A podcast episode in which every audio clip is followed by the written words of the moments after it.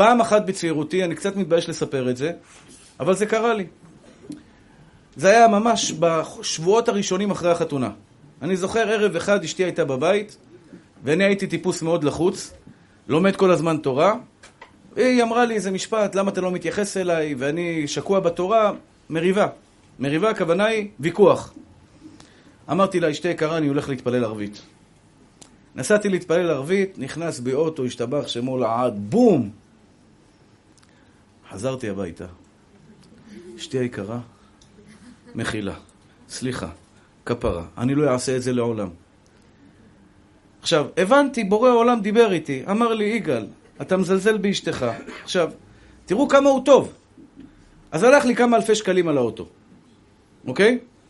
אבל הוא לימד אותי מוסר השכל, העונש הזה בעצם היה לטובתי, זה חרוט לי עד היום. הוא אומר, אני היום מבין שאשתי בבית זה השכינה הקדושה, ועם השכינה לא מתעסקים. לשכינה נותנים, לא מתעסקים. כשהקדוש ברוך הוא אמר לך תפחד מעונש, מה הכוונה? אדם עכשיו יש לו יצר הרע לעבור עבירה, אני ככה עובד גם בטכניקות האלה. חייב שיהיה גם את הפחד, כי לפעמים האהבה של השם יתברך, אני אתן לכם דוגמה. יש לנו של... שלושה אבות, אברהם, יצחק ויעקב. אברהם היה כולו חסד, אהבה גמורה לקדוש ברוך הוא. יצחק היה מידת הדין, כולו דינים. יעקב היה שניהם ביחד. אברהם יצא ממנו ישמעאל. יצחק יצא ממנו עשיו. יעקב הייתה מיתתו שלמה, 12 שבטי יה. למה? כי הוא שילב בין השתיים. איפה הפחד כן צריך להיות? לפני העבירה.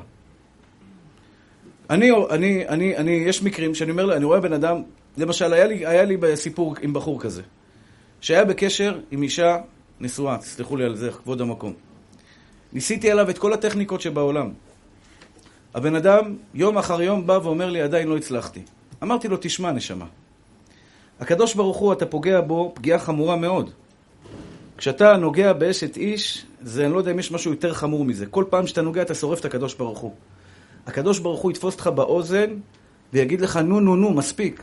למה לך להתעסק איתו? איזה בן אדם מטורף רוצה עכשיו, כשיש לך עכשיו לדוגמה, סתם, איזה עבירה שבא לך לעשות? אומר לך הקדוש ברוך הוא, אני כתבתי בתורה שאם תעשה אותה יקרה לך דבר חמור, כי אני לא רוצה שתעשה אותה. זה לא שאני רוצה שתעשה אותה ואני רוצה להעניש אותך. יש היגיון בזה שהשם רוצה להעניש בן אדם? לא. אלא הוא בא להרתיע אותנו. עכשיו, תראו מה העונש עושה פה, פה, פה. כמה אנשים עכשיו מפחדים לפרוץ לבית, לא בגלל שיש להם לא תגנוב או רחמים, הם מפחדים שיתפסו אותם במשטרה וייכנסו לכלא. מה העונש עשה? הרתיע אותו מלעשות עבירה. הגמרא, המשנה במסכת אבות אומרת, לולא מוראה של מלכות, איש את רעהו חיים בלעו. אם אין שוטרים שייתנו דוחות, אה, דוחות על אה, מהירות מופרזת, או על אור אדום, או על, אה, על עקיפה מסוכנת, אין, אי אפשר לחיות על הכבישים. אז באים שמים עונשים, דיר באלק, תיסע באדום, תדבר בטלפון, זה עשר נקודות, תקח את... עוד אחד שלח לי אימייל השבוע, שהוא נשב באיזה מסעדה, אחד שם מספר לחבר'ה, אני נוסע בלי רישיון, בלי טסט. אומרים לו, מה, אתה נורמלי? הוא אומר, מה, הרב יגאל אמר, יבוא לי שוטר, אני אעשה לו י"ק ו"ק. כל העבירות מפילים עליי, השתבח שמו לעד. אני אמרתי לנסוע בלי רישיון, חס ושלום, אני אמרתי אלף פעמים, חייב לשמור על כל כללי התנועה, אין לך רישיון, אל תעלה על רכב, אל תיגע, כלום, לך ברגל, אוטובוס, מקסימום אופניים, אפילו, אפילו לא חשמליים. אני, אני רק אמרתי שאם חס ושלום אדם עשה טעות, יש לו אפשרות, אבל לא שתעשה טעות לכתחילה. אז אני רוצה להסביר לכם, אחים יקרים, באמת בדבר פשוט. כל אדם שקרא את התורה, שבת, צריך לדעת ששבת, השם מרחם ויציל, זה בשביל הקדוש ברוך הוא עולם. והקדוש ברוך הוא כואב לו, כואב לו שמחללים את השבת. כואב לו שאנשים עושים דברים לא טובים. אותה בחורה, אם הייתה יודעת שהתמונות שלה ככה, אני כואב לי הלב עליה, כי זה, זה לא הכבוד שלך, בת ישראל. יש לה צער עצום לקדוש ברוך הוא, צער עצום, ולכן הוא אומר עונשים בתורה למי שעובר על רצונו, כדי שלא תעשה אותם. זה לפני העבירה. לפני שאדם עבר עבירה, תפוס את עצמך בידיים. אל תפגע בקדוש ברוך הוא, יש פה שילוב של אהבה ויראה. מה זה אהבה ויראה? אל תעשה את זה לקדוש ברוך הוא, אתה פוגע בו. זה היה לי בתקופה שהייתי חלש, אני לא סיפרתי על התקופה הזו הרבה, אבל היו לי רגעים, אתם רואים אותי עכשיו הרב, היו לי רגעים משבר מטורפים, מטורפים. אתם יודעים מה זה שנתיים לא ללמוד תורה? שנתיים ישבתי בחיים שלי והייתי כלומניק. עכשיו, שאין לך תורה, הלב שלך מתגנב ביצר הרע. אמרתי, אולי אני אלך לאיזה קולנוע. חס ושלום, אולי להרגיע לי קצת את הלחץ הנפשי. היצר הרע מתחיל לקפוץ. עכשיו, לא שבאמת הייתי בדרך, אבל קפצו לי מחשבות. קפצה לי מחשבה, אולי אני אלך להירגע קצת. ואז, שתי מחשבות קפצו לי. שכל אחד ואחד צריך שיהיה לו את זה לפני שהוא עובר עבירה. לכל אחד יש רגעים של משבר, זה יכול להיות באינטרנט. זה יכול להיות חס ושלום לדבר עם איזה אישה. אדם נשוי, אדם נשוי, ויש לו פתאום איזה פיתוי בעבודה, חס ושלום, זאתי מדברת איתו, זאתי מדברת איתו, חס ושלום אישה נשואה. שני דברים שצריך לקפוץ לנו במחשבה, אחים יקרים. אחד, אתה בוגד באבא. אתה בוגד בקדוש ברוך הוא, הוא נותן לך, הוא אוהב אותך אהבה מטורפת, איך אתה יכול לעשות לו את זה? זה אחד. לא בוגדים, אנחנו לא בוגדים, אנחנו לא נעשה רע לקדוש ברוך הוא. שני, לא כדאי לי להתעסק איתו. שווה לי להתעסק עם בורא עולם. אני עכשיו בריא, יש לי אוכל בבית, יש לי אישה, ילדים, מה אתה עושה? אתה יודע מה הקדוש ברוך הוא יכין לך אם אתה ככה תעשה לו? לפני שאדם עובר עבירה, אני אומר את זה לעצמי, כלכלית, יש לך היום עבודה טובה, פרנסה טובה, מה אתה מסתבך עם בורא עולם, נשמה? בשביל מה אתה הולך נגדו? אני אומר, אני מצד האהבה אוהב ללכת, ואני אומר לכם, לפעמים יש דברים כאלה, יצר רק קופץ עליך, לדבר לשון הרע, לעשות כך, לעשות כך. אני אבגוד באבא? לא. אם לא הולך לך, אתה לא מספיק אוהב אותו? אתה רוצה להתעסק איתו? אני לא רוצה להתעסק עם בורא עולם. לא רוצה להתעסק. אם בא לי עכשיו לצעוק על אשתי, כי אני עכשיו בקריזה, ויש לי חס ושלום יצר הרע מטורף, תמיד יעמוד מולי, ריבונו של עולם זה שכינה, אני מתעסק עם שכינה, אני יודע מה, מה, מה הקדוש ברוך הוא יכין לי אחרי זה. לא רוצה להתעסק. זה לפני העבירה. אבל אני מדבר כרגע, מה שאני אמרתי שם, לא לפחד, הכוונה שלי, אחרי שאדם עבר עבירה. הוא בא אליי ואומר לי, הרב, אני מפחד שהקדוש ברוך הוא הולך להרוג אותו, חס ושלום. אז אני אומר לו, עכשיו אל תפחד, תחזור בתשובה. אל תהיה טיפש. זה כמו אדם שאומר ש, שהרופא אומר לו, אתה מעשן סיגריות, שלוש מלבורו אדום ביום, והמחלה כבר מתחילה להתגבר, והוא מעשן ואומר, יו, אני מפחד למות, אני מפחד למות, אני מפחד למות. אתה שיכור? תפסיק לעשן, תפסיק לפחד. אתם מבינים מה שאני אומר? אחרי שאדם עבר עבירה, מה אתה רוצה עכשיו? להיכנס לפחדים ודיכאונות? להיות משוגע? תחזור בתשובה. תגיד לקדוש ברוך הוא, סליחה, בעונו של עולם, חטאתי, אביתי, פשעתי. לא עושה את זה יותר. ואז הקדוש ברוך הוא מקבל את התשובה שלך. תברח מהחטא שעשית אותו. עכשיו הפחד פה לא יעזור, לפני העבירה צריך פחד. כי זה מונע ממני לעשות עבירות. גבר יודע את זה. אנחנו גברים, יש לנו יצר הרע. לאינטרנט, לנשים, כל אחד ואחד ביצר הרע שלו, כל אחד במדרגה שלו. אני חייב שיהיה לי מחסום לפני שבאה עבירה, שאני לא אעבור עבירה. לא, אז מה המחסום? אמרתי, שני מחסומים. אחד, אני אוהב את הקדוש ברוך הוא, אני לא רוצה לעשות לו את זה. איך אני אפגע באבא שבשמיים? זה עובד עליי. לא רוצה לפגוע בו, לא מגיע לו שאני אפגע בו. והשני, זה, אני לא רוצה להתעסק איתו. אני לא רוצה להתעסק עם בורא עולם. אני לא אדבר לשון הרע, כי אני, יש לי הרבה מה להפסיד. בורא עולם פינק אותי עד בלי די. פינק אותי בכל כך הרבה דברים טובים, אני לא רוצה להתעסק איתו. בורא עולם, אני ואתה חברים. לא עושה עבירה. הפחד הזה ימנע ממני לעשות עבירה. יש לי בחור שהוא היה באמת בן אדם עם יצר הרע, נראה לי כל החדר הזה ביחד תכניסו אותו לבן אדם אחד לא יגיע. בן אדם באמת בעייתי, גדל במקום הכי גרוע שיכול להיות בעולם. אז הוא היה בא אליי לשיעורים, בא אליי לשיעורים. אצלו אהבה לא עובדת, עזוב אותי אהבה. ניסיתי, מה אני אדבר איתו? השם אוהב אותך, טו, טו, טו, אוהב אותי חזק וברוך, תהיה בריא, הכל בסדר. איזה שבועיים הוא לא הגיע. אחרי שבועיים הוא מגיע, סיפרתי לכם עליו. אחרי שבועיים הוא מגיע, הוא אומר לי, מה, איפה אתה? הרב, אני בנפילה. מה קרה? אה, עשיתי שוד. וואלה, איזה נפילה, זה לא, נפל פה, נפל שם. הבן אדם, משתבח שמו לעד, יש לו יצר רע מטורף. מטורף! אמרתי לו, תשמע, נשמה שלי, אין לי דרך אחרת להגיע לך ללב. אני לא רוצה שתהרוס את החיים שלך, אבל תדע לך שבורא עולם, פגעת בו, אבל פגעת בו בגדול. פגעת באבא שבשמיים בגדול. כדאי לך לשמור על מה שאלוקים חנן אותך, תעזוב את השטויות האלה. תעזוב את השטויות כי אתה מתעסק עם אבא שבשמיים. הוא עזב. פגשתי אותו לפני כמה, שבוע, לפני כמה שבועות, הבחור ברוך השם חזר לתלם, עובד. בן פורת יוסף, באמת ילד טוב עלה על מסלול של המלך. זה מונע מאיתנו, לכן הקדוש ברוך הוא כתב בתורה הקדושה שלו עונשים. עונשים כדי שאדם, לפני שאתה בא לעשות שטויות, כל אחד ואחד, קחו עכשיו לדוגמה את כל אלו שתפסו אותם עכשיו עם ביבי וכל הסיפורים האלה. כן, לא יודע, אני לא יודע אם זה אמת. לא יודע, לקח סיגרים, לא לקח סיגרים, משגעים את המוח סתם. אבל בואו ניקח אחד שבאמת עשה איזה מעל גדול, גנב מהקופה הציבורית איזה מיליארד שקל. אם הייתי בא עכשיו, לפני שהוא שלח יד במעל, הייתי מראה לו מה זה להיות עשר שנים בכלא. פשפשים, שרוטים, אתה יודע, בכלא זה, אתה יושן ליד אחת, אתה לא יודע אם אתה קם בבוקר, יכול להיות שהוא יאכל לך את הלבלב, יאכל לך את הטחול, ככה אמרו לי. הוא יכול להיות רעב בלילה, הוא פתאום פותח, אוכל, הוא רעב. אתה לא יודע איפה אתה יושן. אם הייתי מראה לו עכשיו את העשר שנים בפנים, עם כל הסרט שיש לו בפנים, הוא היה נוגע בכסף? תגיד לי, אתה מטורף? הוא אומר, עזוב, קח הכל, תן לי לישון בחוף הים, לא רוצה לעשות שטויות.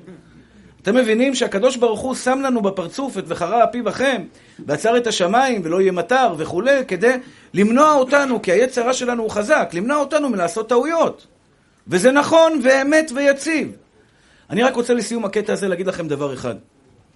זה דבר שאני אומר לעצמי, וואו, אני, אני הרגע הזה ככה עומד לי מול העיניים. יש רגע שאדם הולך מן העולם. אחרי 120. אמרתי לכם, אל תפחדו מזה גם.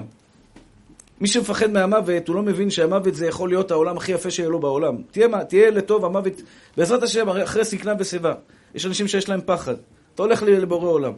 כתוב בגמרא כך. כתוב, כי לא יראני האדם וחי. כי לא יראני האדם וחי. אין אדם בעולם שיכול לראות את הקדוש ברוך הוא. אין מציאות כזו. גם משה רבנו, שהגיע למדרגה הגבוהה ביותר, וראית את אחוריי ופניי לא יראו. משה רבנו לא יכול לראות את הקדוש ברוך הוא. אבל כל אדם בעולם זוכה לראות את הקדוש ברוך הוא בזמן הפטירה שלו. כשהנשמה עוזבת את הגוף, בום! סרט. י"ק ו"ק מתגלה לבן אדם. עכשיו תראו איזה קטע. זה אחד העונשים או המתנות הגדולים ביותר שיכולים להיות לאדם. אם בן אדם כל החיים שלו אהבת הקדוש ברוך הוא, כל החיים שלו בורא עולם בשבילך, בשבילך, אנחנו נלמד את זה בשיעור היום, לעבוד אותו מתוך שמחה, לעשות נחת רוח לבורא עולם. פתאום ברגע הדרמטי הזה, כשהוא רואה את הקדוש ברוך הוא, הוא אומר, וואו, איזה כיף. איזה כיף. עבדתי את בורי כל כך הרבה שנים, תראה איזה, באיזה דבר גדול עבדתי. ואז הוא מבין את השכר שמחכה לו, נצח. נצח אינסופי. תדעו לכם, מה שאנחנו מדברים, אני לא מדבר הרבה על זה. אבל על כל מצווה שעשיתם, זה, לא, אין לזה זמן. המקובלים אומרים, זה כמו שתיקחו עכשיו ציפור ותיקח מחוף הים עכשיו גרגיר של חול ותעביר אותה לפה לבני ברק. כמה זמן ייקח לציפור להעביר את הגרגיר של החול, לסיים את כל החול שבחוף הים, להעביר אותו לבני ברק? מיליארדים של שנים, זה נצח. על כל מצווה שעשית בעולם הזה, כל דבר טוב, למדת תורה, כיבדת את אשתך, הנחת תפילין, שמרת שבת. אז כל מצווה שעשית בעולם, השכר שבורא עולם ייתן לך הוא נצח. וזה לא שכר גשמי. הגשם, החומר מתעייף מהר. הנשמה שלך היא נשמה נצחית. אחרי 120, ואני מאמין בזה באמונה שלמה, אתה רואה את הקדוש ברוך הוא ואתה אומר, זה האור אינסוף ברוך הוא, זה אור אינסופי שאתה נשאב אליו, ואתה מגיש, אתה מגיע לאבא הכי אוהב בעולם, ואתה אומר, אבא, עבדתי אותך פה מאה שנה, אבא, כיף לי, כיף לי, כיף לי, אינסופי. אבל אם לא הכרת את אבא, אם חס ושלום בגדת בו, זה להחזיק את הראש ולהגיד, וואי, איך פספסתי את האור אינסוף? איך? איך לא ראיתי את זה? שיש מישהו שברא את העולם. הבושה הזו, הכי גרוע בעולם. אני לא רוצה לבגוד באבא. לא רוצה לבגוד בו, הוא נתן לי והוא נותן לי. אתם יודעים מה, אחים יקרים? אם הקדוש ברוך הוא פעם יתגלה אליכם, בחלום, איפשהו, ויעיר עליכם את האור אינסוף שלו, אתם תראו את האהבה המטורפת שיש לו אליכם? אתם תראו את ה... כל כך, הוא דואג לכם כל כך, במיליארדים של מקומות. אתם יודעים, אני נוסע בכביש, אני, אני לא נוהג. אתה רואה משאית עושה לך זיגזג. הנהג משאית, אתה פתאום קולט שהוא מסמס בטלפון. עכשיו, אם הוא היה עושה את הזיגזג כשאני הייתי קרוב, חס ושלום, עוד עשר מטר, אין סרט, נגמר הסרט. מיליארדים של רגעים בורא עולם אומר, שמרתי עליך, בני אהובי. שמרתי לך על החיים, בני, אני שומר לך, אני שופך עליך אין סוף של רחמים. איך אתה לא רואה את זה? אל תפחדו. תהיו מאושרים, מאושרים, אתם עובדים את האור אינסוף יתברך. עכשיו, אחים יקרים, ברחתי קצת מהזמן. עד כאן אני, אני מבקש מאותה גברת. לכבודך, תורידי את התמונות הלא יפות. תורידי, זה לא כבוד שלך, את בת של מלך. אני לא יודע מי זאת, אבל אני, כואב לי הלב שבגללי יצאה תקלה כזו. אז אני עכשיו רוצה לתת לכם טיפ קטן, נשנה את המצב רוח קצת, נרים את המצב רוח. אני רואה אתכם קצת אה, זה, אל תדאגו, אתם בידיים טובות. אמרתי עכשיו, רק שמחה. אני לא בירכתי, נכון? ברוך אתה אדוני, אלוהינו מלך העולם, שהכל נהיה בדברו. אני אתן לכם שני טיפים. אני נפגש מדי שבוע עם יהודי מאוד יקר, שהוא עוזר לי גם כן להכיל. אמרתי לכם, אני בחור מאוד רגיש, ולצערי הרב, אה, צרות וצרות וצרות, אני לוקח את זה יותר מדי ללב. אפילו הבחור הזה עכשיו, הוא לא יודע. ישי המתוק בא אליי, שיהיה בריא, השם ישמרו וחיו. אוהב אותו אהבה גדולה. בא מסכן, עם ה... בא חתך עם מסור, קפץ לו הדיסק על היד. חתך אותו. הוא פה, הוא לפני שלוש שעות התעורר מניתוח, הוא בא לשיעור. אז הוא פגש אותי עכשיו ליד הבית. קפץ, חיבק אותי, אמר לי, כבוד הרב, זה, נחתך לי וזה. סתם אני מספר לכם שתדעו, שתבינו גם לפעמים מה עובר עליי. ובאמת, רק תודה להשם, תודה להשם נס, עורק ראשי לא פגע וזה, הכל בסדר, הוא קם, הכל בסדר. הלכתי למעלית, אשתי הייתה איתי. הלכתי למעלית, ואני אומר לאשתי, כל הגוף שלי צמרמורת. אני טיפוס רגשן. לכן אני לפעמים ניגש, הולך למישהו, רב, תלמיד חכם, שיעזור לי גם לקחת את הדברים בזה, כי עוד אחד ועוד אחד זה בסוף אני, אתה יודע, אתם תראו אותי פה מדבר איתכם. אז הוא אמר לי דבר מאוד יפה, ואני תמיד אוהב לשתף. אז הנה, אני אתן לכם טיפ יפה. התת-מודע שלנו מאחורה, זה לאלו שרוצים מצב רוח טוב. התת-מודע שלנו הוא מגנט לדברים שליליים. כי יצר לב האדם רע מנעוריו. ומה זה מגנט לדברים שליליים? כל אירוע שלילי בחיים, אתה זוכר אותו? יופי. יופי יופי אתה זוכר. אתה זוכר את ההוא שפגע בך? מה, זה 50 שנה אני זוכר אותו. בטח, ברחוב ליד כולם צעק עליי, 50 שנה אתה זוכר. ההוא שנשק אותך, מי זה? לא זוכר. הדוד שנתן לך 50 שקל, לא זוכר. אני בתור ילד, אני למשל, אני זוכר את הרגעים שלא היה לי, לא היה לי, לא היה לי, לא היה לי, אבל היו רגעים גם שפתאום איזה דוד בא, זרק לי 50 שקל. את זה אני כבר לא זוכר. התת מודע שלנו הוא מגנט לדברים רעים. עכשיו תשימו לב, תראו מה שקורה. זה דבר מאוד פשוט, ובבקשה מכם, תקשיבו טוב, יהיה לכם הרבה שמחה בחיים. יושב בן אדם ואומר, לא יודע, אני בדיכאון. לא אל תהיו בדיכאון, זה רק דוגמה, אני רואה אתכם, אני לא עם הפרצוף. לא להיות בדיכאון, הכל בסדר, נותן דוגמה, כן? אומר, לא יודע למה, אה, אתה יודע, אה, כזה רמה, רמה המרוקאית, כזה, כזה מגעיל כזה. מה קרה? וואלה, אני לא יודע. אני בטח בן אדם שמח, טוב לי, הכל הולך לי בחיים. לא יודע, למה יש לי את ה... אז אני אסביר לכם. אז תקשיבו טוב, ואת הסרטון הזה אני מבקש, תחתכו, לעזור לזה ולכל אותם. גם אני אראה אותו כמה פעמים, כדי שאם יבוא לי לזה, שימו לב עכשיו, תראו. המוח שלנו יש לו פה תת מודע, תת מודע זוכר כל מה שקרה לנו בחיים. הוא לא מציף לנו את זה, כי אנחנו נשתגע, אבל יש לנו פה בהארד דיסק כל מה שעברנו בחיים. אנחנו זוכרים אם אימא ליטפה אותנו או צעקה עלינו. ולכן חשוב, הילדות של הזה, אימהות יקרות, אתם לא יודעות מה חיבוק עושה לתינוק. התת מודע שלו קולט, אני אהוב, אני אהוב, אני אהוב, אני אהוב, אני אהוב, הוא גודל מאוזן. אם מישהו יבוא ויגיד לו, תשמע, אתה לא בסדר, יהיה לו איזון. מצד אחד הוא יודע שהוא אהוב, מצד אחד מישהו אמר לו שהוא רע, הכל בסדר, לא קרה כלום. אבל אם ילד גדל והתת מודע שלך מלא, אתה לא אהוב, אתה לא אהוב, לא טוב, לא טוב לך, לא טוב לך, לא טוב לך, אתה ילד רע, אתה ילד רע, אתה לא יוצלח, לא מצליח, לא מצליח, יבוא אחד יגיד לך, אתה על הפנים, הוא יגיד לך, וואלכ, תאמין לי, גם התת מודע וגם זה השתבח שמו לעד, אני על הפנים. כמו שברסלב אחד באו אליו, אמרו לו, למה אתה בדיכאון? הוא אומר, עזוב, אני מיואש. אז אמרו לו, רבנו אמר, אין ייאוש בעולם כלל. הוא אומר, מה, גם ייאוש אין עכשיו? גם את זה לקחו לי, אני, אתה מבין?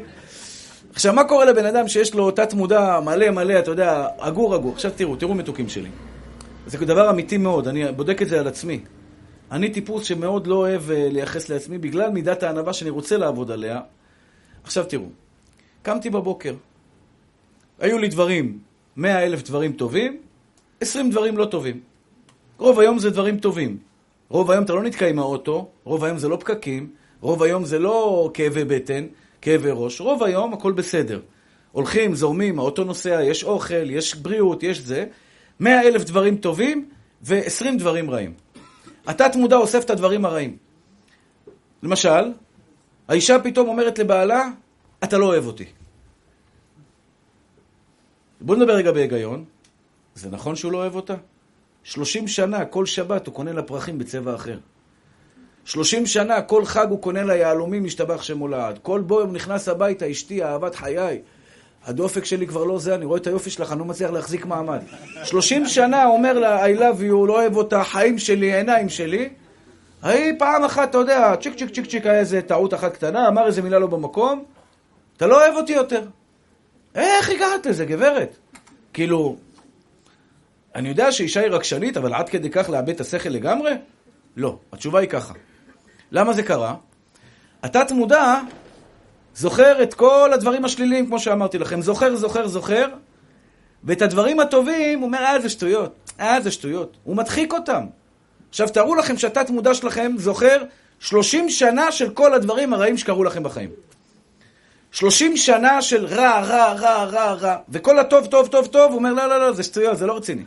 שטויות זה לא רציני, שטויות זה לא רציני, שטויות זה לא רציני. הוא מציף אותך באנרגיות שליליות. אתם יודעים שאם אתם עומדים ליד בן אדם עם אנרגיות שליליות, זה משפיע עליכם? מי שיש לו מבין באנרגיות, אתה קולט את זה. אתה נמצא בחדר, בא לך לברוח ממנו. יש אנשים אנרגיות שליליות, רע. לכן, תקנה חבר טוב. יש בן אדם שהוא משדר לך אנרגיות, תברח ממנו מהר, מהר. הוא אומר לך, עזוב אותך, אני אומר לך, כולם פה גנבים, כולם שודדים, כולם פושעים. אני אומר לך, העולם הזה על הפנים, גם הקדוש ברוך הוא לא אוהב אותך בכלל. שלח אותו דחוף לטיפול, הייתי מאשפז אותו בכפייה באותו רגע, אבל אל תהיה לידו. למה? האנרגיות, הוא משפיע עליך אנרגיות רע, רע, רע, רע, רע. תמיד תהיו באנרגיות טובות. לפעמים אנחנו, המוח משדר לנו אנרגיות שליליות. למה? כי הוא זוכר את כל הרע. מה אני עושה שהתת מודע ייתן לי גם את החוויות הטובות? אני אתן לכם דוגמה, אצלי זה קצת יותר מורכב, אבל אני אתן לכם דוגמה. אתמול הייתי בשיעור באשדוד. היה בלי עין הרע שיעור באמת כיף. מלא באנשים, אנרגיות טובות, אתה יודע, גם הייתי, היה לי כוח בשיעור, ברוך השם. ו- והעיניים היו בורקות. זה שיעור שככה, ברוך השם, סייעתא דשמיא, השם מוציא לי מילים מהפה. זה לא אני כמובן, אני יודע שזה לא אני, אבל השם מוציא מילים ככה, טה-טה-טה-טה-טה-טה. אתה חוזר הביתה. עכשיו, הייתה פה, היה פה עכשיו איזה רגע יפה בחיים שלי, כן? רגע יפה. אני מדבר חוויות אישיות, עוד מעט נעבור לחוויות, זה מה שככה, הזכרתי בזה היום. עכשיו, במהלך הנסיעה מאשדוד עד לבני ברק, יש בן אדם, כמוני, אה, שטויות. כדי שהגבה לא תעלה לי על הלב, שטויות. אה, אז היה שיעור, נו, בסדר, מה קרה? אתם מבינים? מה קרה פה עכשיו? היה לך חוויה חיובית, היה לך רגע טוב, וביטלת אותו בהרף עין. אתה תמודע בכלל מה אומר, לא היה פה שום, שום דבר טוב. אבל דברים רעים כן היו, אז הוא ממשיך להציף אותך ברע. תעצור, תעצים את הרגע הטוב. תעצור באותו רגע, ככה אני הייתי אמור לעשות. עכשיו, מה עם גאווה? אז תראו איך אנחנו פותרים את הבעיה. אתם הבנתם? אני מפחד תמיד אחרי שיעור לא להגיד, וואו, בוא'נה, איזה שיעור, איזה שיעור, כאילו, תירגע, מי אתה בכלל? אז יש אחד אומר, אני כלום, זה כלום, בסוף נכנס לדיכאון. תעצור, תגיד, וואו, איזה חוויה, איזה מתנה, איזו מתנה בורא עולם נתן לי היום.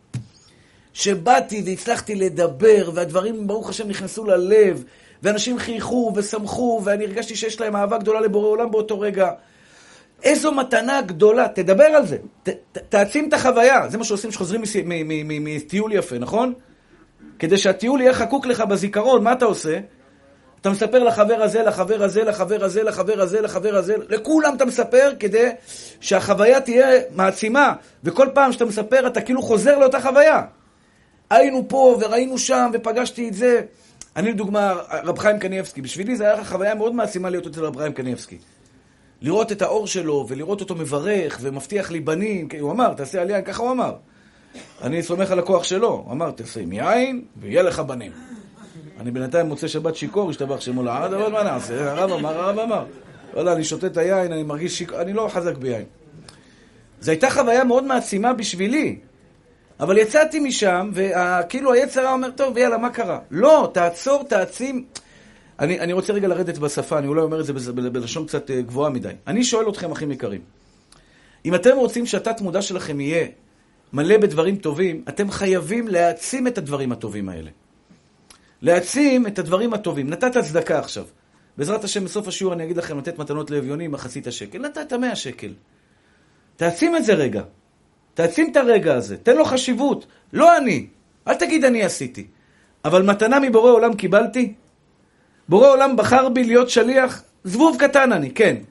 אבל השם לקח את הזבוב הקטן הזה שקוראים לו יגאל כהן, והוא זיכה אותי לדבר בפני אנשים. תעצים את החוויה הזו, אז התת מודע שלך יזכור את החוויות הטובות. כשיבוא התת מודע להציף, הוא יציף לך דברים טובים. אז עכשיו אני שואל אותך, כיף לך או לא כיף לך בחיים? אתה יודע מאיפה אתה עונה לי? מה התת מודע זורק לך? מה התת מודע זורק לך? טוב, חוויות טובות או חוויות... יש לך יום, שבוע, יום כזה נפלא, אתה בא הביתה, אשתך שואלת אותך מה העניינים? וואי, איזה כיף. למה? התת מודע זרק לך, היום היה טוב, היום היה טוב. התת, הדברים הרעים רדומים. אז ההרגשה שלך, אתם מבינים מה שקורה? התת מודע משפיע על הרגש, ואז אתה מתמלא באו עצב או שמחה. אתה רוצה להיות שמח, אח יקר שלי? וזה עניין של הרגל. הבת שלך חיבקה אותך, הבן שלך חיבק אותך, אמר לך, אבא, אתה הולך לשיעור? להתראות, נסיעה טובה, לילה טוב. תעצים את זה רגע, תראי איזה ילד מתוק יש לי, איזה מתנה קיבלתי מבורא עולם. אם אשתך חייכה לך פעם בשלושים שנה, תעצים נשמה. צלם אותה מהר. שים את זה בפוסטר ענק. מלך. מלך, אני... לא משנה פעם בכמה זמן, אבל תעצים את הרגע הזה. עכשיו מה, האם אתה כל פעם תזכור רק את הרגעים שהיא כועסת או כאלה דברים, אתה השתבח שמו לעד, אז זה לא, אי אפשר לחיות. פעם אחת אשתך באה אליך, אמר לך, בעלי יקר, אתה באמת, אתה גבר טוב. תקליט, נשמה. תקליט מהר, שים מקלט, מקלט, תגיד, השתבח שמו לעד, אני גבר טוב, אני, או, איזה כיף לי, איזה כיף לי, איזה... תעצים את זה, זה נקרא להעצים את הרגעים הטובים. מה, אתם יודעים מה שיקרה לכם? אתם יכולים אפילו לדבר על זה בפה. לדבר על זה בפה זה להגיד, וואלה, איזה כיף היה לי היום. איזה ארוחת ערב טובה, השתבח שמו ברור עולם זיכה אותי. איזה כוס, איזה כוס תה, איזה כוס, אה, כוס אה, חלב, ש... נס קפה שתיתי. ברוכים הבאים לבני ברק, זה... מערב הפרוע פה עכשיו, השתבח שמו לעד. איזה בחור עכשיו עם ההפרעת קשב שלו לא ישתחרר עד שהוא לא...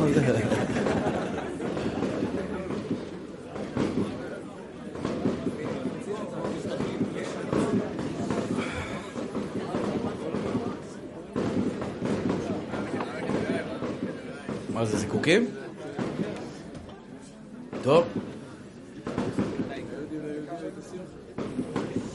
אוקיי, רבותיי היקרים, עכשיו אני מבקש מכולם, מכולנו לא יוצא מן הכלל לחייך, באמת חיוך כזה גדול. באמת, כי בורא עולם אוהב אתכם, שמח בכם. אתם עושים נחת רוח לבורא עולם, תעצימו את זה. חשוב מאוד. אני, אני לצערי הרב לוקה בזה, ובגלל זה הרבה פעמים אין לי אנרגיות. תבין, לבוא לשיעור, אתה צריך אנרגיות. אתה חייב לבוא עם אנרגיות. אם אתה לא יונק אנרגיות טובות לשיעור, אתה בא על הפנים. את האנרגיות הטובות זה רק מרגע, מהעצמה שאתה מכניס אנרגיות טובות לגוף. התת מודע ייתן לך אנרגיות טובות רק אם אתה זוכר ואתה מעצים את הרגעים הטובים. טוב, זה היה הטיפ, עכשיו אנחנו נתחיל את השיעור. הוא יהיה קצת קצר, אבל אני חושב שהוא שיעור מאוד חשוב. שלום לכולם. אהלן. אני רוצה היום, זה משהו שככה עובר לי הרבה במחשבה. אה, לשאול אתכם, בעצם, אתם יהודים. מה זה אומר שאתם יהודים? האם זו מתנה להיות יהודי? האם זה עול להיות יהודי? האם היה עדיף להיוולד שוודי בשוודיה? מה יש? למה לא? בלונדיני, עיניים כחולות, לא יודע, מקבל משכורת יפה, חי את החיים שלו, מגדל כלב, עוד ילד, חי, מאה שנה, אוכל שם, אני יודע מה אוכל שם. האמת, רק בגלל האוכל לא היה שווה להיות שוודי. אבל נגיד, היית עכשיו באיזה מדינה שיש אוכל טוב, אוי, איזה רע, השתבח שם הולד. מה יש? ועכשיו אני נולדתי יהודי. כיף לי שנולדתי יהודי. אז אני רוצה קצת לחדד כמה נקודות מאוד חשובות. מה זה אומר שאתה יהודי? הכוונה שלי, במילים פשוטות, אני מודה כל בוקר לבורא עולם, באמת, אבל באמת, באמת, באמת שעשני יהודי. כי אני חושב, למי שיש שכל ככה, הבנה טובה, שבלי זה אין חיים. אני אסביר את הכוונה שלי. אם אתה תבוא תגיד לי עכשיו, בתור בן אדם, ככה אני, ככה שמסע אותי. תשמע, בוא תהיה מנהל לאיזה מקום חשוב, לאסטרטגיה, לא יודע, לנהל אה, בית ספר למחול. סתם אני אומר, גברים כמובן, כן? גברים. בית ספר למחול של גברים. שלם לי 300 אלף שקל בחודש, אני אומר לך, צוחק עליך, אומר לך, עזוב, אין לי משמעות בחיים. אדם שנולד יהודי, אני, יש הרבה נקודות שאני רוצה לדבר איתכם על מה זה להיות יהודי. מה המתנה של להיות יהודי. ואני רוצה שאת המתנות, יש הרבה אנשים שמפחדים. יש אחד בא אליי, אומר לי, שאשתו אומרת לו, תשמע, אתה נהיה חרדי מדי. זה לא מתאים. אני רוצה להגיד לאותה גברת, הלוואי שבעלך יהיה דתי. בשבילך. הלוואי שבעלך ישמע בקול בורא עולם, מא' ועד ת'. כי אני חושב שאישה ביהדות היא מלכה אמיתית, ובשום מקום בעולם לא ייתנו לה את מה שהיא תקבל, ואני אסביר את זה עוד מעט, רק אצל מי שעומד תחת בורא עולם. אותו דבר גבר, לא תוכל להשיג הנאה אמיתית בעולם הזה, רק אם אתה עובד את בורא עולם. עכשיו, מיד צצים לנו בראש, מה, תשמע, תראה את המיליארדר ההוא נוסע במטוס, מחייך כל בוקר בדרך אל הבנק. שקר, שקר וכזב. לא יכולה להיות הנאה אמיתית לבן אדם אם אין לו משמעות בחיים. לכן אתה רואה אותם תורמים לבתי חולים. הם מחפשים משמעות. מי שעובד את החיים בלי משמעות, אין לו כלום. אם אין לך את בורא עולם מול העיניים, אתה לא יכול להיות שמח. הכסף, תשימו לב אחים יקרים, יש שני דברים, זה מחקר שראיתי לאחרונה, 90% מהילדים הצעירים, ה-18, 19, 20, שאלו אותם מה החלום שלהם, מה החלום של רוב הצעירים בעולם? שני דברים, כסף וכבוד. הוא שואף להיות עם הרבה כסף, ושכולם ירצו לעשות אותו סלפי. מפורסם, הולך ברחוב, אפשר סלפי, אפשר סלפי, אפשר סלפי, אפשר... או, זה אני רוצה.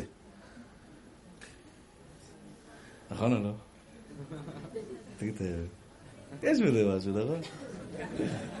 ללכת בראשון, בשדרה הראשית, וכולם מקרקרים סביבך, אחי, אחי, אחי, אחי, אחי. אחים יקרים שלי, וואו, אין לך שקר גדול יותר בעולם מאשר שני הדברים האלה. כסף וכבוד. אני אומר לכם, מבקשים ממני מדי פעם סלפי.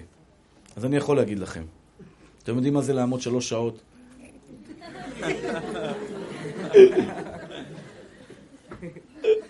הרב יצא מטושטש. אתה יודע מה זה לעמוד שלוש שעות ככה? עכשיו, יש אנשים הזויים, יעני. אני יכול עם אשתי? הלו, מה, תגיד לי, איך הגעת עכשיו לזה? מחילה מכבודו, נשמה, זה, זה לא צנוע, אתה לא רואה אני דוס? כאילו, איך אתה תעשה את הסלפי? למה אני צריך? אחים יקרים שלי, זה נראה דמיון, כשאתה מגיע לשם, אתה מבין שזה כלום. אין לזה משמעות אמיתית. אתה יודע מה, לתפוס פה ילד קטן, ול, ולתת לו חיוך על השפתיים, לתת לו שום, מסטיק, סוכריה, ולראות אותו מחייך, תברך שהכל, זה הרבה הרבה יותר מענג אותי מאשר אה, כל הדמיון הזה, כי, כי באמת זה לא שלי. זה לא שלי בכלל. מה אני יכול להתגאות? מגיע לי כבוד על מה? הרי כל אחד יודע את השריטות שלו, את הנחירות שלו בלילה, את הבעיות שלו. מה אתה עושה דאונים אם כולם היו יודעים? אה, אני רוצה להגיד לכם, אחים יקרים, יש פה תוכן אמיתי. אתם יודעים שאישה סיפרה לי, ואני באמת, באמת, אני חושב שזו דוגמה מאוד יפה. אני לא מתכוון לפגוע באף אדם בעולם. אבל סיפרה לי אחותי על זה. היא הייתה בחדר לידה. בבית חולים לא בבני ברק. הוא אומר, אתה עובר, יש חדר לידות, יולדות, יולדות, יולדות, יולדות. פה, היא צועקת, אני אהרוג אותך, מה עשית לי? אני אהרוג אותך.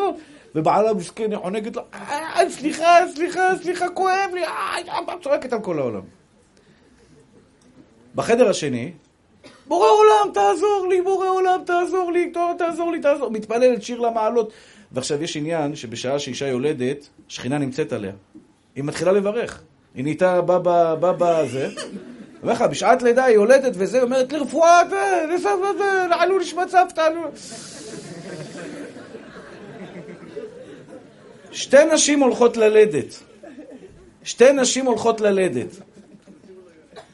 זאתי מביאה ילד לעולם, כואב לה מסכנה. וזאתי מביאה ילד לעולם. ריבונו של עולם, את מעדיפה להביא ילד שעוד איש מחשבים? היא תעשה את זה. אבל זה כל המקסימום שיש לה. עוד איש מחשבים, עוד בן אדם ש...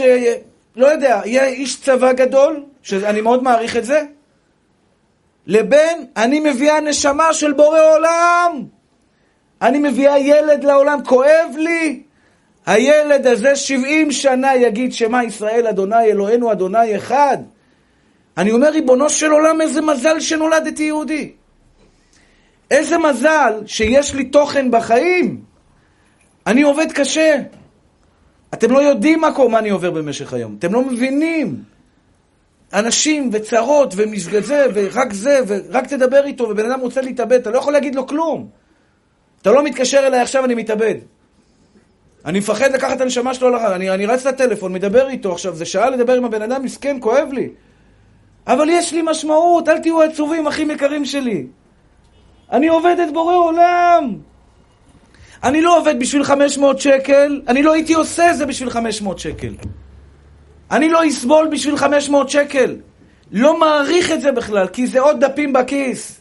זה עוד חולצה של בוס. זה עוד מסעדה. בשביל זה אני אסבול?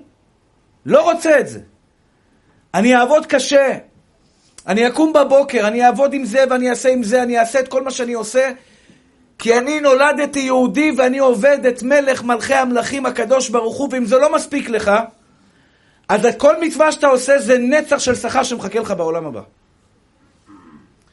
בואו תראו, אחים יקרים שלי, אתם מתחילים את היום שלכם בתור יהודים, מה זה אומר? אתה לא סתם. אתה לא עוד יצור בעולם, נשמה. אתה לא עוד אחד ממיליארד אה, ערבים ולא ממיליארד סינים ו-260 מיליון אה, אמריקאים שמכונות של קם בבוקר, הולך לעבודה, מגדל ילדים, מגיע לידי זקנה, יושב באיזה בית זקנים, מחכה למוות, נקבר, זהו, אין לו כלום. זה חיים? ברוך אלוהינו שבראנו לכבודו, כל שנייה פה בחיים שלך, כל שנייה אתה מלך.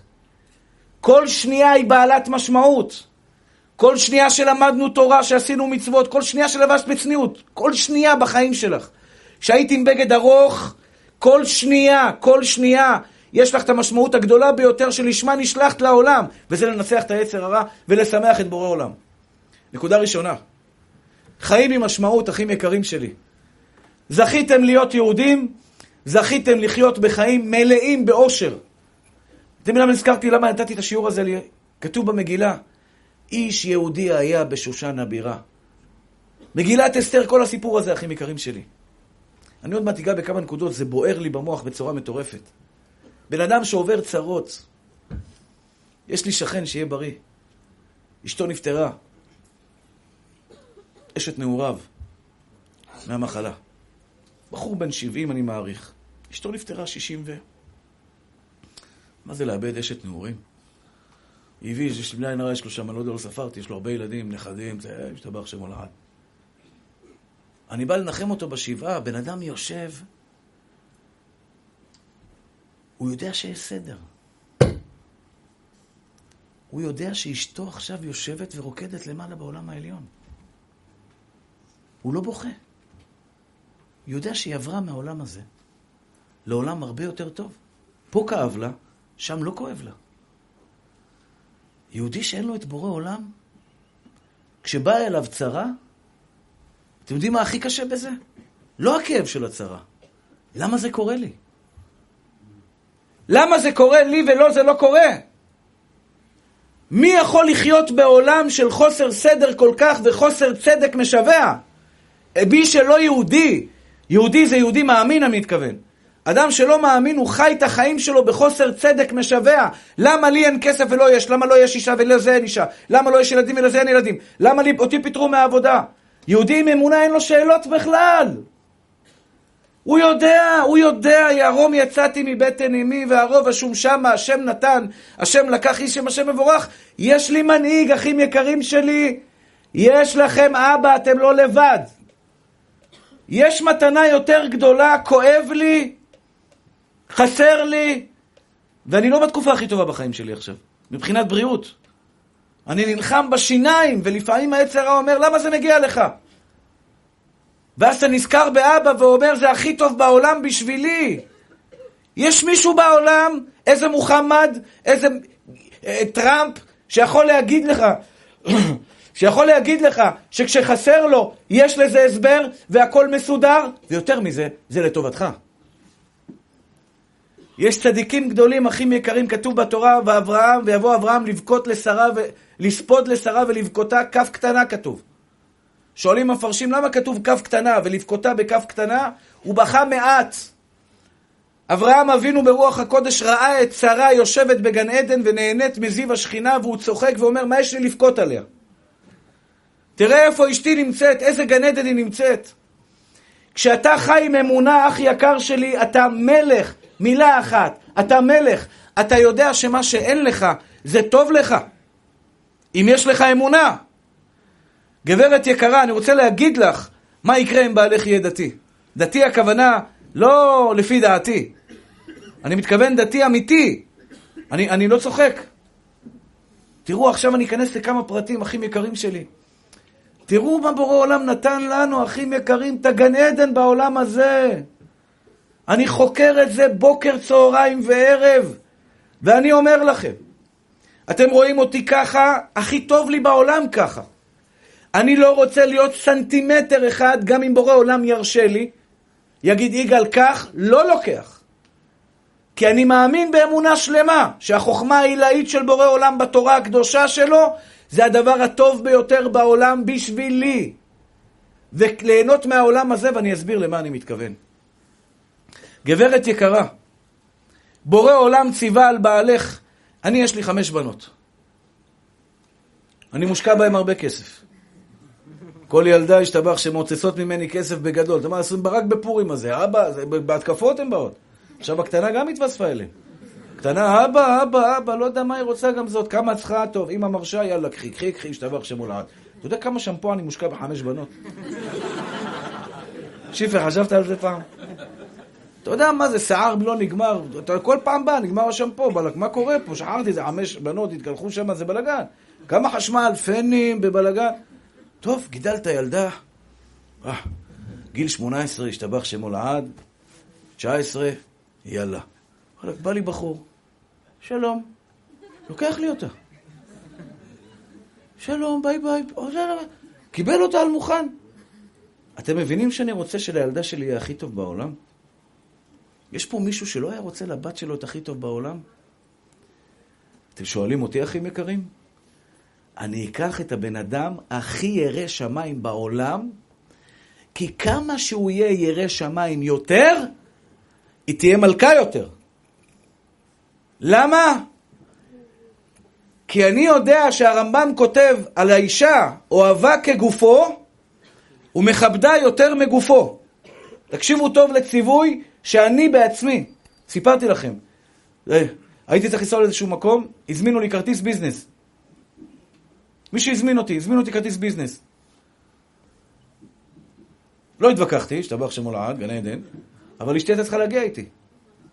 מה, אני אשקיע בביזנס? בדקתי כמה עולה ביזנס, חמש אלף דולר. שאלתי אשתי, אה, מה את אומרת? מה נעשה? אז אומרת לי, לא, לא אכפת לי, אני אשב ברגיל. ואז נזכרתי ברמב"ם. אוהבה כגופו, מכבדה יותר מגופו. אתה תשב בביזנס בובי, ואשתך תשב מאחורה? לא.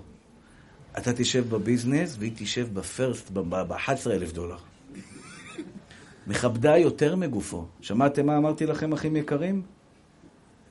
אני מאחל לבת שלי ולכל אחת מכם, שיהיה לכם בעל שיהודי אמיתי, שהוא מקבל את הציווי האלוהי, וכל חג הוא קונה לך תכשיט, ישתבח ויתעלה שמו כמו שחייבה אותו התורה הקדושה, כדי שיהיה לך טוב בנשמה.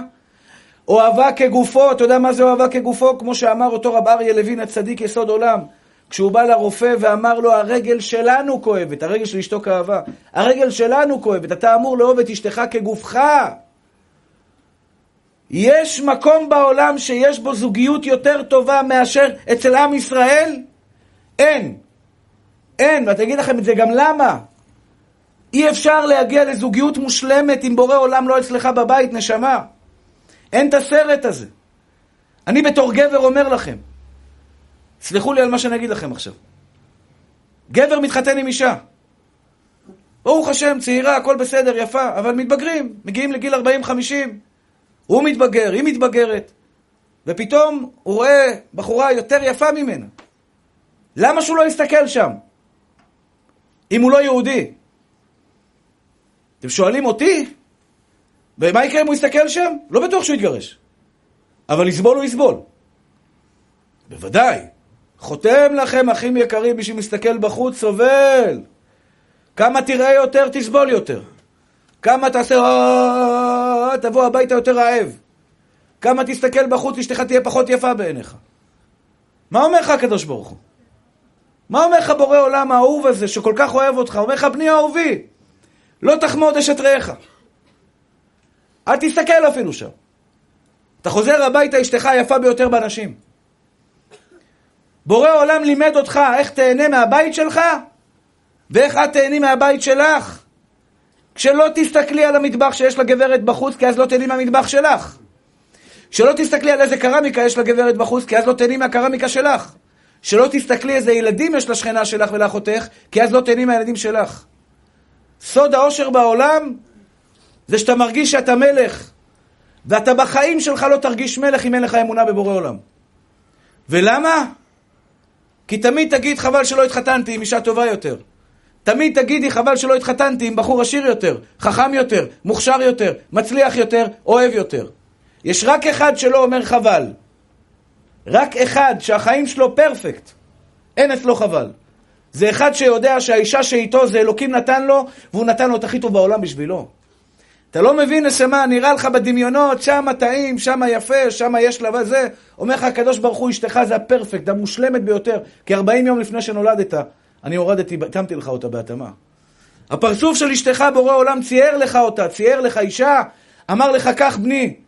מה אתה אומר? לפני שהגעת לעולם, אתה יודע מה אמרת לו? הכי יפה בעולם.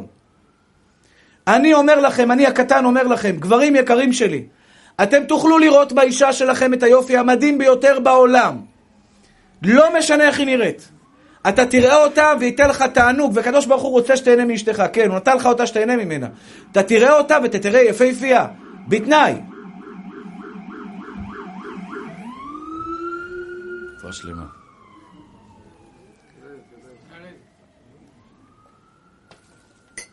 בתנאי אחד. שתדע, the one in the only one. רק זאת. זאת היחידה בעולם בשבילך. אז אתה חוזר הביתה ואומר, יש לי פה עבודה. אותו דבר את, גברת יקרה. אני מאחל לכם שתזכו באותו חתן. אני אומר לנשים, אם הייתם יודעות מה קורה בבית המדרש, תשמעו עוד מעט, אני אסביר פה לגברים, איך אישה לא שולחת את בעלה לבית המדרש, הוא יהפוך אותך למלכה, גברת. פה אנחנו נותנים חיים לבן אדם. פה מסבירים לו מה זה שכינה בבית. כשרב שלמה זלמן אוירבך נכנס הביתה, עליו השלום, זכר צדיק קדוש לברכה, היה מסדר את הזקן. בחור ירושלמי מהצדיקים של ירושלים. לא תגיד איזה דון ג'ואן, צדיק יסוד עולם, מסדר את הזקן, מסדר, שואל אותו התלמיד, ווסי גישנט, מה אתה מסדר את הזקן?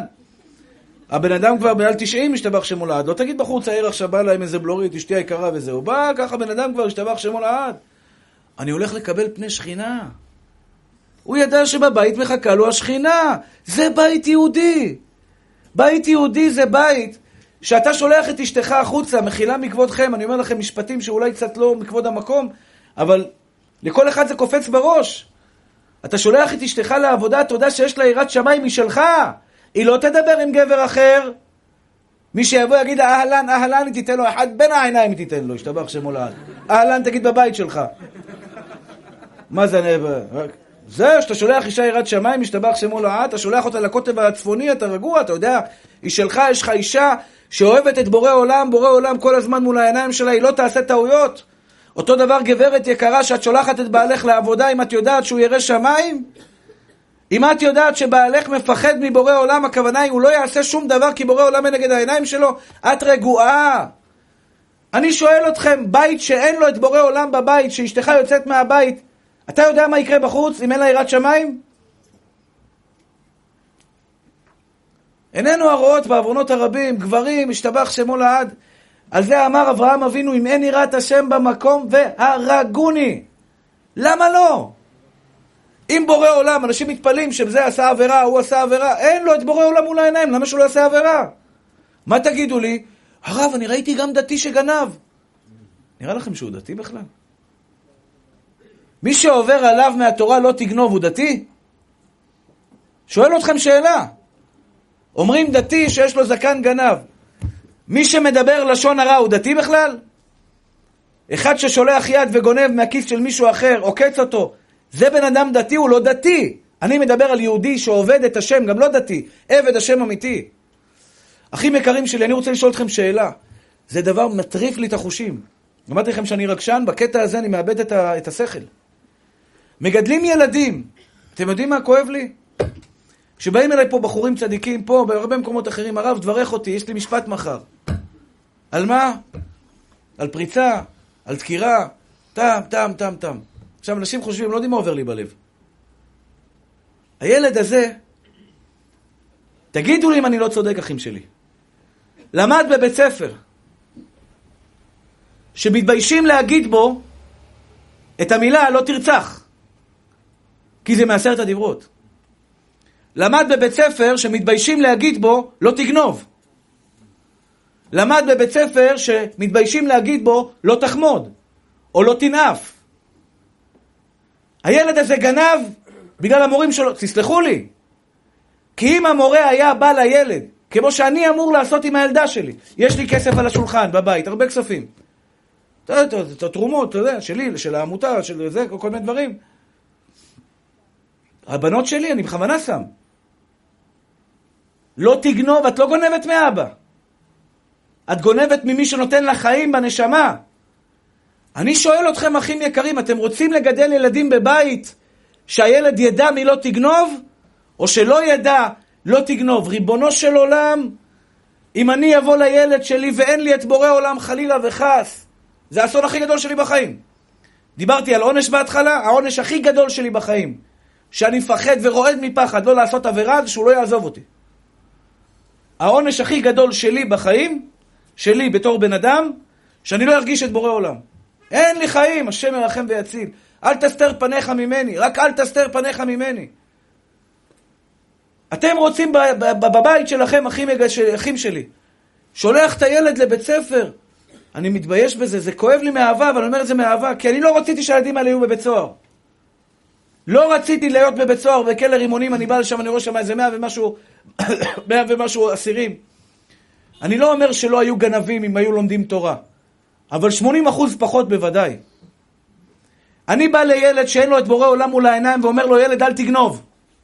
מישהו יכול להסביר לי למה שהוא ישמע לי? למה? יש לי אפשרות להרוויח עוד 100 שקל. אתם יודעים מה זה לילד עוד 500 שקל? או שאני אומר לו, אל תמכור סם. או אל תוציא סכין על אף אחד בעולם, חס ושלום. למה לא? הוא ישאל אותי. מה אני אענה לו? כי זה לא דרך ארץ? הוא יגיד לי, אני שם פס על הדרך ארץ. מי מעניין בדרך ארץ? יש לו עכשיו 500 שקל לגנוב, למה שלא ייקח? ככה אמר לי יהודי לפני כמה חודשים. בבתי הספר הכניסו, בכיתות א', שחלק מהלימודים, שהגנן לוקח זרע, זורע אותו באדמה, ומתפלל לקדוש ברוך הוא שירד גשם, יורד גשם, וצומחים. שוד ושבר. כל העולם רעש. כפייה דתית. הילד בכיתה א'-ב' אמר שהגנן זרע זרע והתפלל לקדוש ברוך הוא כפייה דתית. מטורפים. הילדים שלנו בבית סוהר בגלל שלא היה לכם אומץ להגיד להם לא תגנוב, לא תרצח. ילד יוצא מהבית, סלחו לי שאני נוגע בנקודות כואבות. הסיבה היחידה שאני אומר לכם, כי זה כואב לי באמת. הילד הזה, שיוצא מהבית עם סכין, אחים יקרים שלי, הוא לא יודע מה יקרה, אבל סיכוי מאוד גדול שהוא חס ושלום ייקח נשמה של יהודי, ריבונו של עולם. איך לא הכנסתם לו מגיל אפס? לא תרצח נשמה. אתה לוקח נשמה של יהודי, אתה פוגע בבורא עולם. זו לא מתנה שאני יכול ללמד את הבן שלי לא לגנוב. שאני יכול להגיד לכם, אחים יקרים שלי, תגנבו, בורא עולם ייקח לכם בכפל כפליים, אל תגנבו, כי משלכם אתם גונבים. אני יכול להגיד לכם את זה, כי אני יודע שיש בורא לעולם, כי אני יהודי ואתם יהודים.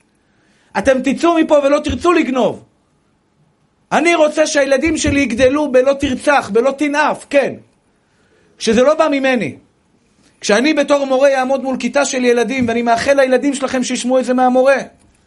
ואני אגיד לתלמידים, לילדים שלכם, ילדים יקרים ומתוקים שלי, מי שמחיה אתכם, מי שנותן לכם את כל מה שנותן לכם, אמר לך, אל תיקח שקל, עשר אגורות. אמא שמה עשר אגורות על השולחן, אתה לא נוגע. לא שלך, תיגע, הוא ייקח לך בכפל כפליים. הילד הזה לא יגנוב. כי זה בא בציווי אלוהי. אני יכול לחנך את הילד שלי לכבד אביך ואת אמך. אני לא מצליח להבין, ריבונו של עולם, זה לא, מוב... זה לא ברור שהילד שלך צריך לכבד אותך. אני בתור אבא אומר, ריבונו של עולם, אני לא צריך את הכבוד שלהם. אני נכנס הביתה, אוי ואבוי לילדה שלא תעמוד בפניי. אוי ואבוי לה. יש כאלה, יש לי אחת עושה לי כזו קפיצה, היי אבא, הלו, תעמדי ישר. על הרגליים. ואם היא לא עומדת, אני מעמיד אותה בעונש אחרי זה. אתם חושבים שאני צריך את זה? יואו, היא עמדה בפניי, וואו. בשבילה. אם הילד שלכם לא יעמוד בפניכם, אחים יקרים, הוא יגדל כפוי טובה מספר אחד בעולם.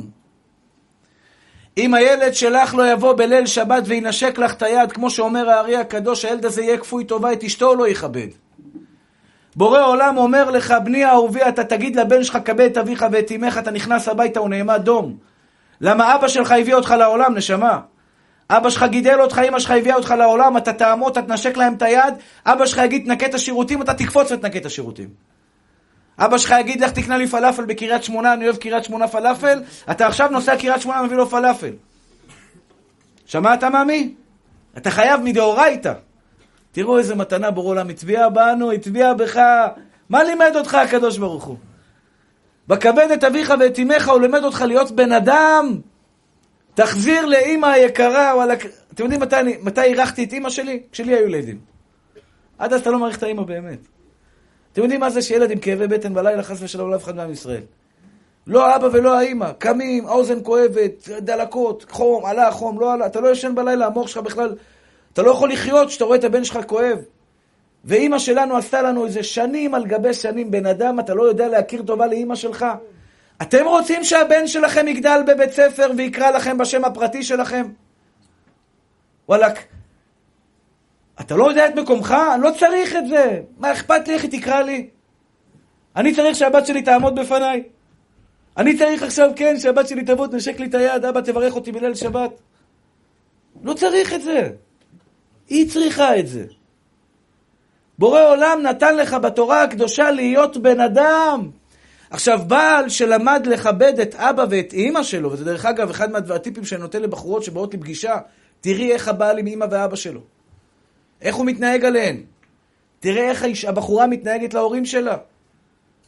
כי אם, הבא, אם אשתך יודעת לכבד את ההורים שלה, סימן שיש לה הכרת הטוב, היא תכיר טובה גם לך כשאתה תקנה לה פרחים, היא תגיד לך תודה רבה בעלי, אני מכירה לך טובה. אבל אם חס ושלום היא לא יודעת לכבד את ההורים שלה, אחרי כל מה שנתנו, אני לא מדבר על מקרים נדירים שיש שם בעיה נפשית או משהו, אני מדבר על הורים סטנדרטיים. אם היא לא יודעת לכבד את ההורים שלה, למה שהיא תכבד אותך? שמתם לב איך הקדוש ברוך הוא הצביע בתוכך, יהודי יקר? הצביע לך בתוך הנשמה, בתוך החיים שלך, את הדרך היפה ביותר, היפה ביותר, שאתה תהיה מושלם. אתם יודעים מה קורה לבן אדם במצווה הזו של כבד את אביך ואת אמך? איזה חברה מתוקנת היינו אם לא היינו מתביישים בתורה הזו.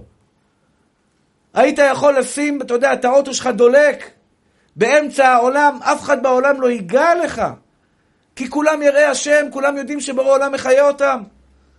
אבל היום לצערנו מתביישים בזה.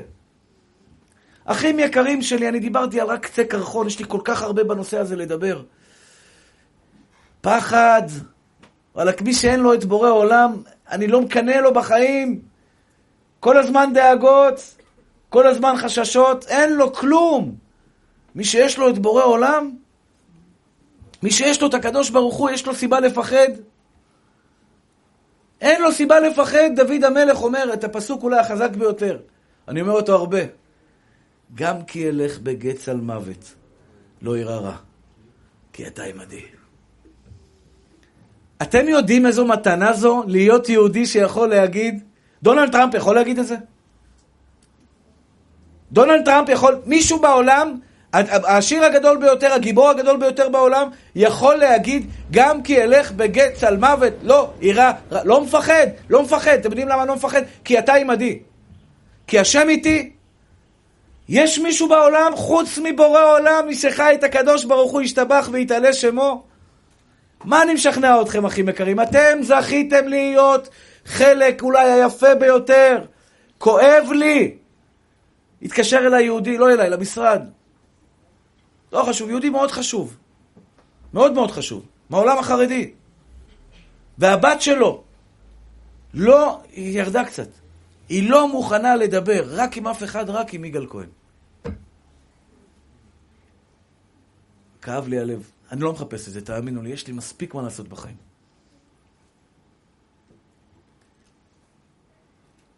אתם חושבים שבורא עולם נתן תורה לא יפה?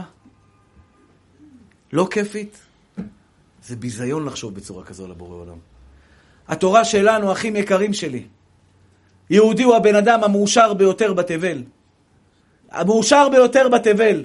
תראו פה בני ברק עם 14-15 ילדים. היא לא יכולה לגרד את הראש, 15 ילדים שתהיה בריאה. מלכה אמיתית. מלכה אמיתית, מלאה בתוכן, מלאה באושר. היא לא הולכת כל יום לקניון, אבל היא מלאה בעונג, כי היא מגדלת נשמות טהורות לבורא עולם. אתה מגדל נשמות, אתה מבינים מה זה אור אלקי? ויפח באפיו נשמת חיים, אתה מוריד נשמת אלוהים לעולם. חיים מלאים בתוכן. התורה שלנו יפה, צריך לדעת לראות אותה ולהכיר אותה. כי השם הוא טוב. וזה נקודת המוצא של כל החיים. השם טוב, הוא טוב אליכם, הוא נתן לכם חיים טובים.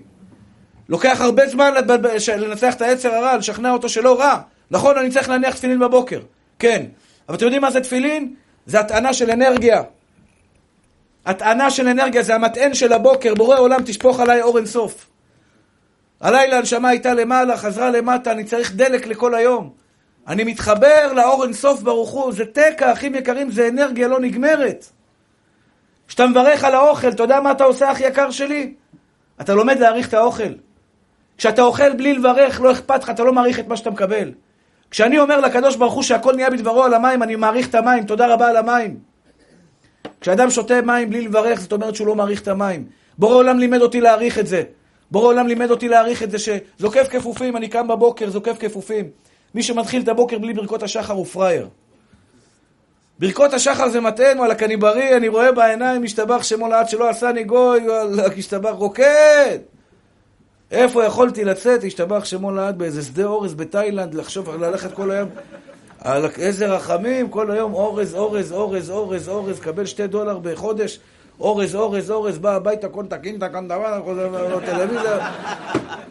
איפה הייתי חי, בורא עולם, תראה איזה מלך, וואלה, אתה יורד לבני ברק, מלא פחי השפעה, מלא אקשן, מלא... לא, לא, אין הרבה פחי השפעה. בזמן האחרון באמת העיר פה מתוקתקת. וואלה, בני ברק, אם משתבח שמו לעד, גוז זוג דישן, זוג איזון, אתה מבין? יהודי, יהודי, נולדתי יהודי, השתבח והתעלל שמו לעד. יופי של חיים, אחים יקרים שלי. מה, אתם חושבים שללכת לתפילה זה קשה? אני מחכה לתפילה. תדבר עם בורא עולם, אתה יודע מה זה, מה זה פסיכולוג אמיתי בורא עולם? פסיכולוג אמיתי, אתם לא מבינים מה זה עושה לנפש שלכם התפילה. איזה תקווה נותן תפילה. בן אדם במשבר, בן אדם זה בוכה בדמעות, אתם יודעים מה זה הדמעות האלה? זה הפורקן הכי יפה שיש לבן אדם בעולם. שאדם עומד בכותל המערבי שלוש שעות, קורא את כל התהילים ובוכה כמו תינוק. יוצא משם נקי, אחים יקרים, וישועה ודאי תקבל. אתה יודע מה זה תפילה? זו מתנה. מי שלא מתפלל, כלום. אין לך קשר, אתה לא מחובר לכלום, אתה חי מנותק מהמציאות. למי תפנה לעזרה, אח יקר שלי? אני אף פעם לא לבד, יש לי תמיד לפנות לעזרה, תמיד. מיד הפה שלי מוציא, בורא עולם תעזור לי. כשאני יוצא לדרך, אחים יקרים שלי, מימיני מיכאל ומשמאלי גבריאל ועל ראשי שכינת אל, בורא עולם ישמור אותי, תפילת הדרך ונרדם. אני יודע שהשם שומר אותי, יש הרבה משאיות, הרבה דברים לא טובים. אותי השם ישמור. אף אחד בעולם לא יכול לעשות את זה. להיות עובד השם זו המתנה הגדולה ביותר בעולם. גם עם הילדים שלכם, אחים יקרים שלי. יש הרבה ילדים יותר טובים מהילדים שלי בעולם. יותר יפים מהם, יותר מוכשרים מהם, יותר רגועים מהם, יותר חסכניים מהם, משתבח שמו לעד. אבל שלי הכי טובים בעולם בשבילי. כיף לג... כן, שלי הכי טובים, אתם יודעים למה? כי י' כ' ו' כ' בחר לי אותם. כי הנשמות שלהם ושלי, יש בינינו חיבור. זה לא במקרה. אמא יקרה, כשיהיו לכם ילדים, הילדים שלכם זה לא מקרה. אם יש לילד הפרעת קשב וריכוז, כנראה שבתוכך גם יש איזו הפרעה קטנה. זה השורש נשמה שלך, זה לא במקרה. תגדלי את הילדים בכיף. ולא תגידי, איזה ילד יצא לי. זה הנשמה שאלוהים בחר לך, זה הילד הכי טוב בעולם בשבילך. אתם מבינים שאתם חוזרים הביתה היום ואתם בעצם חוזרים למקום הטוב ביותר בעולם בשבילכם, אם אתם לוקחים את הקדוש ברוך הוא איתכם הביתה. אתם חוזרים לאישה הטובה ביותר בעולם, לילדים הטובים ביותר בעולם, לבית הטוב ביותר בעולם, ואתם תחגגו פורים, ואתם תגידו ונהפוך הוא אשר נעשה היהודים, ואתם תשתו ותשמחו, כי איש יהודי היה בשושן הבירה ושמו מרדכי. יהודי היה. למה, למה מספרת לנו המגילה שהוא היה יהודי? כי יהודי, קודם כל היה פרסי, השתבח שמו לעד, אל תשכחו, כן? אה, פרסי התעורר, ישר אמר היה פרסי. אבל, אבל הוא אספר לך יהודי יקר, יהודי גם אם נגזרה עליו גזרה, השתבח ויתעלה שמו לעד. להשמיד, להרוג ולאבד את כל היהודים, טף ונשים, ביוש, ביום אחד. יהודי מהפך הכל קטן עליו, ונהפוך הוא אשר ישלטו היהודים, המה בשונאיהם, ואני מתפלל לקדוש ברוך הוא. רק בקשה קטנה, אחים יקרים. כל אחד צריך לתת זכר למחצית השקל, זה בערך 20, בין 25, 25 שקלים לאדם. אני מבקש מכם, אנחנו ממש לפני תהליך של בעזרת השם קניית השטח ולהתחיל לבנות את הבניין, זה מאוד יעזור לנו. אני כבר מאוד רוצה שכולכם תשבו בנחת, ובאמת יהיה פה מקום, זה לא רק לשיעור הזה, זה להרבה דברים טובים שאפשר לעשות פה. אז מי שיוכל בעזרת השם לתת זכר למחצית השקל ולעזור ככל יכולתו, באמת, אני מתבייש לבקש, אבל אני עושה את זה באמת לכבוד השם יתברך. מתנות לאביונים, יש מצווה לתת בערך כל אחד, לפחות 20 שקלים כל אדם, מתנות לאביונים ביום פורים. לא כולם יכולים להשיג אביונים. אני בלי נדר מוכן להיות שליח שלכם. זה לא נעים לי, כי זה הרבה כסף והרבה חלוקות. אתה יכול לתת את זה לי, אני שליח שלכם ביום הפורים בלי נדר. יש לי בערך... מעכשיו, אני לא, אני מחלק את זה ביום פורים, מחלק את זה מהבוקר מוקדם עד הלילה. יש לנו אביונים שבדקנו אותם, קריטריונים. יש אלמנה אחת שתהיה בריאה, אני רק אספר לכם דוגמה אחת, אלמנה שמרוויחה אולי 3,000 שקל בחודש. אישה שלבד, לבד, לבד, אין לה בעל כבר כהרבה שנים, והשכירות שלה זה 3,000. זה כל מה שיש לה בחיים. כל חודש אין לה מה לאכול. אז ביום פורים אני משתדל לבוא ולשמח, כי לב, לב אלמנה ארנין. אז מי שרוצה, אני מוכן להיות שותף. זה הולך רק אליהם, אחים יקרים שלי. כל המרבה הרי זה משובח. אני הקטן מאחל לכם. שיהיה לכם את כל השמחה שבעולם. שיהיה לכם פורים שמח. ימלא השם משאלות לבכם לטובה ולברכה. שנזכה לראות בשמחות שלכם. ברוך אדוני לעולם. אמן ואמן.